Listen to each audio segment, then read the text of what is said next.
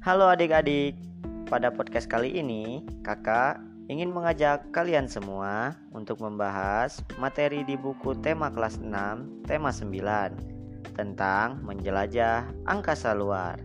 Khususnya materi mengenai tata surya yang terbagi menjadi 5 sub bahasan yaitu matahari sebagai pusat tata surya, planet, meteor, dan meteorit, komet, serta asteroid. Tata surya Tata surya adalah susunan yang terdiri atas matahari sebagai pusatnya dan dikelilingi planet-planet serta benda angkasa lainnya. Tata surya kita adalah bagian dari galaksi Bima Sakti. Apakah kalian tahu galaksi itu apa? Galaksi adalah kumpulan bintang-bintang yang sangat banyak yang membentuk alam semesta. Berdasarkan bentuknya, ada tiga macam galaksi, yaitu galaksi spiral, galaksi eliptis, dan galaksi irregular yang bentuknya tidak beraturan. Ada miliaran galaksi di alam semesta ini. Galaksi Bima Sakti atau yang disebut kabut susu hanyalah sebagian kecil dari alam semesta. Galaksi Bima Sakti ini termasuk galaksi yang berbentuk spiral besar. Galaksi terdiri atas banyaknya bintang. Apakah kalian tahu bintang itu apa? Bintang adalah benda langit yang terbanyak yang menyusun alam semesta ini. Bintang berupa bola panas yang berpijar. Meskipun semua bintang panas, masing-masing bintang mempunyai kisaran suhu yang berbeda. Kalian sudah mengetahui bahwa bintang yang terdekat dengan bumi adalah matahari. Matahari hanya salah satu bintang di Bima Sakti. Bagaimana kedudukan planet dan benda angkasa lainnya terhadap matahari? Mari kita pelajari bersama. Matahari merupakan bola gas panas yang menyilaukan. Suhu pada permukaannya sekitar 6000 derajat Celcius Sedangkan suhu di dalam inti matahari sangatlah panas, yaitu sekitar 15 juta derajat Celcius. Hal ini bisa melumerkan satu mobil tank hanya dalam waktu 0,2 detik. Diameter matahari 109 kali lebih besar diameternya daripada bumi. Jarak matahari dari bumi sekitar 150 juta kilometer jauhnya. Jarak ini adalah posisi yang tepat untuk kelangsungan kehidupan makhluk hidup yang ada di bumi. Apabila bumi terlalu dekat dengan matahari, maka bumi akan terbakar. Sementara itu, jika bumi posisinya terlalu jauh daripada matahari, maka bumi akan membeku. Matahari terlihat seolah-olah bergerak mengelilingi bumi karena matahari terlihat terbit dari sebelah timur dan tenggelam di sebelah barat. Namun, bukan hal ini yang sebenarnya terjadi. Planet-planet, termasuk bumi dan benda langit lainnya, adalah yang sebenarnya mengelilingi matahari. Mengapa demikian? Matahari sebagai pusat tata surya mempunyai gaya gravitasi yang lebih besar dibandingkan planet-planet lainnya sehingga dapat menahan planet-planet tetap pada lintasannya.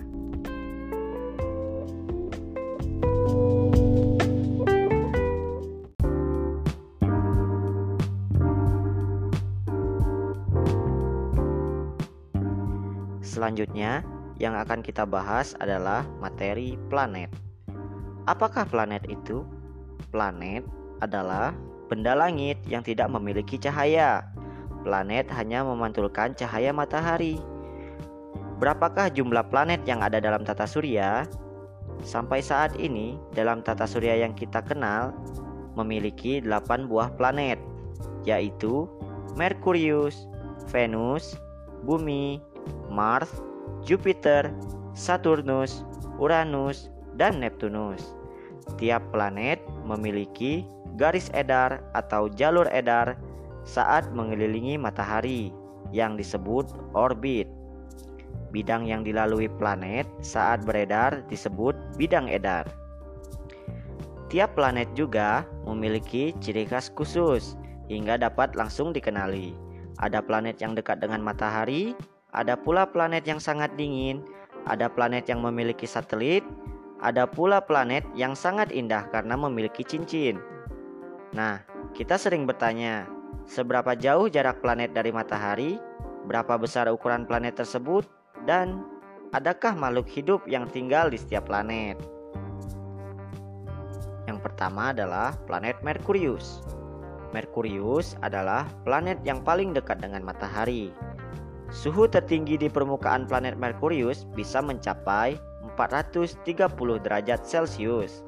Bayangkan, tentu tidak ada makhluk hidup yang dapat bertahan hidup di sana, bukan? Jarak yang dekat itu membuat Merkurius menjadi planet yang paling cepat yang mengelilingi matahari. Waktu yang diperlukan Merkurius untuk mengelilingi matahari adalah 88 hari. Yang kedua, Venus. Venus adalah planet yang sinarnya paling terang jika dilihat dari bumi. Hal itu terjadi karena Venus adalah planet yang jaraknya paling dekat dengan bumi. Planet Venus tertutup oleh kabut kebal yang memantulkan sinar matahari. Venus sering disebut bintang fajar atau bintang kejora. Nama itu diberikan karena Venus tampak seperti bintang di langit timur sebelum matahari terbit dan bersinar terang di langit barat sebelum matahari tenggelam. Arah rotasi Venus searah jarum jam dari timur ke barat. Hal ini berbeda dengan planet-planet lain yang rotasinya berlawanan arah jarum jam. Sekali mengelilingi matahari, Venus memerlukan waktu 225 hari. Nah, pada barisan ketiga adalah bumi. Bumi adalah tempat kita tinggal, planet yang paling istimewa. Sampai saat ini, bumi adalah satu-satunya planet yang dapat ditempati oleh makhluk hidup. Bumi pun merupakan satu-satunya planet yang ditutupi air serta dilapisi atmosfer. Lebih dari 75% muka bumi tertutup oleh air. Air adalah sumber energi bagi kehidupan. Dalam atmosfer terdapat oksigen yang digunakan makhluk hidup untuk bernapas. Atmosfer juga melindungi bumi dari sengatan matahari yang sangat panas dan akibat buruk tabrakan benda-benda langit yang melintasi angkasa. Di barisan keempat ada Mars. Planet Mars dijuluki planet merah karena permukaan planet Mars tampak berwarna merah. Warna merah disebabkan oleh adanya debu yang menutupi Mars. Mars memiliki atmosfer yang sangat tipis. Mars tidak memiliki air, tetapi ditemukan batuan es di kutubnya. Di planet Mars ternyata juga ditemukan banyak gunung berapi. Gunung api terkenal adalah Olympus yang tingginya tiga kali gunung tertinggi di bumi, yaitu Mount Everest. Sekali mengelilingi matahari, Mars membutuhkan waktu 687 hari. Di barisan kelima ada Jupiter. Jupiter merupakan planet terbesar. Garis tengah Jupiter adalah 11 kali garis tengah bumi. Seandainya Jupiter berupa lautan, tentu bumi dapat ditenggelamkan ke dalamnya. Meskipun demikian, untuk melihat Jupiter diperlukan teleskop besar. Jika kamu lihat foto, Jupiter akan terlihat bercak besar yang menutupi permukaannya. Menurut penyelidikan, bercak itu adalah badai topan yang selalu terjadi di sana dan tidak pernah berhenti. Jupiter memerlukan 11,8 tahun untuk mengelilingi matahari. Nah, yang keenam adalah Saturnus. Menurut para pengamat, Saturnus adalah planet terindah Keindahan planet ini ditunjukkan oleh cincinnya yang sangat besar yang dimilikinya. Cincin itu terdiri atas miliaran orbit partikel kecil dari batuan, air, dan es. Waktu yang diperlukan Saturnus untuk mengelilingi matahari satu kali adalah 29,5 tahun. Yang ketujuh ada Uranus. Dalam tata surya, Uranus adalah planet kedua terbesar setelah Jupiter. Uranus memiliki cincin, namun tak terlihat jelas dari bumi, seperti halnya cincin Saturnus. Arah rotasi Saturnus sama seperti Venus, dari timur ke barat. Terakhir adalah planet Neptunus. Neptunus diambil dari nama dewa laut bangsa Yunani. Neptunus disebut planet biru. Kedua setelah bumi. Neptunus terdiri dari unsur hidrogen, helium, dan metana. Neptunus juga memiliki cincin berjumlah empat tapi tak seindah cincin Saturnus. Sekali mengelilingi matahari, Neptunus memerlukan waktu 164,79 tahun.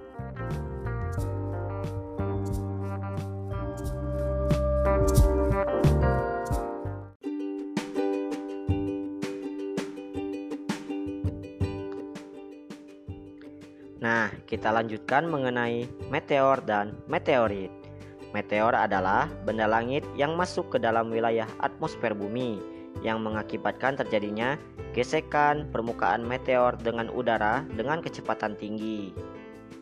Akibat adanya gesekan yang paling cepat tersebut menimbulkan pijaran api dan cahaya yang dari kejauhan kita melihatnya seperti bintang jatuh.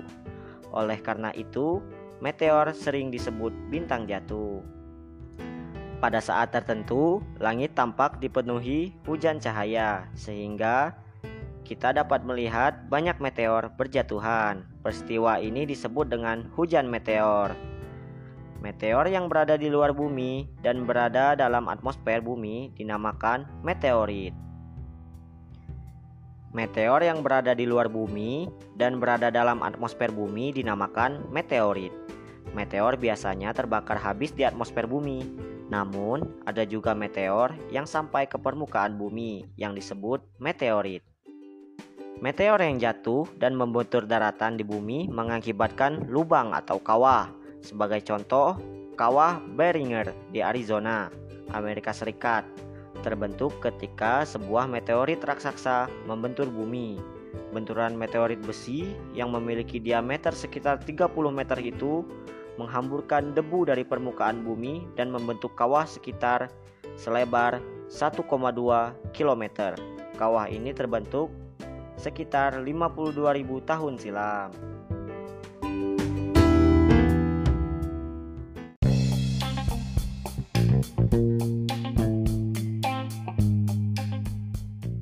Yang selanjutnya adalah komet. Komet adalah benda langit yang kecil yang bergerak mengelilingi matahari dalam orbit elips. Komet sebenarnya berupa butiran-butiran es dan batuan yang membentuk bola besar. Komet terdiri atas inti serta lapisan awan seperti awan kabut yang menyelimuti inti dan sering memanjang membentuk ekor. Oleh karena itu, komet sering disebut bintang berekor. Ekor komet ini terjadi karena ketika komet mendekati matahari, komet mendapat dorongan angin matahari, sehingga ekor komet yang berpijar berada di belakangnya, selalu membelakangi matahari. Beberapa komet muncul secara berkala di langit bumi. Komet NK muncul setiap tiga tahun sekali. Komet Halley muncul setiap 76 tahun sekali. Komet Halley adalah salah satu komet yang paling terang yang mengorbit matahari. Nama komet ini berasal dari nama astronom Inggris Edmund Halley. Komet Halley pertama kali terlihat oleh para astronom Cina pada tahun 240 sebelum Masehi. Beberapa komet lain juga pernah terlihat dari bumi. Komet Waze muncul pada tahun 1976. Komet Ikeaseki muncul pada tahun 1965. Komet Kohoutek muncul pada tahun 1973. Komet Howard Common Michael muncul pada 1979. Komet Shoemaker-Levy muncul pada tahun 1993. Dua komet baru juga ditemukan, yaitu komet Hyakutake ditemukan tahun 1996 dan komet Halley yang ditemukan pada tahun 1997.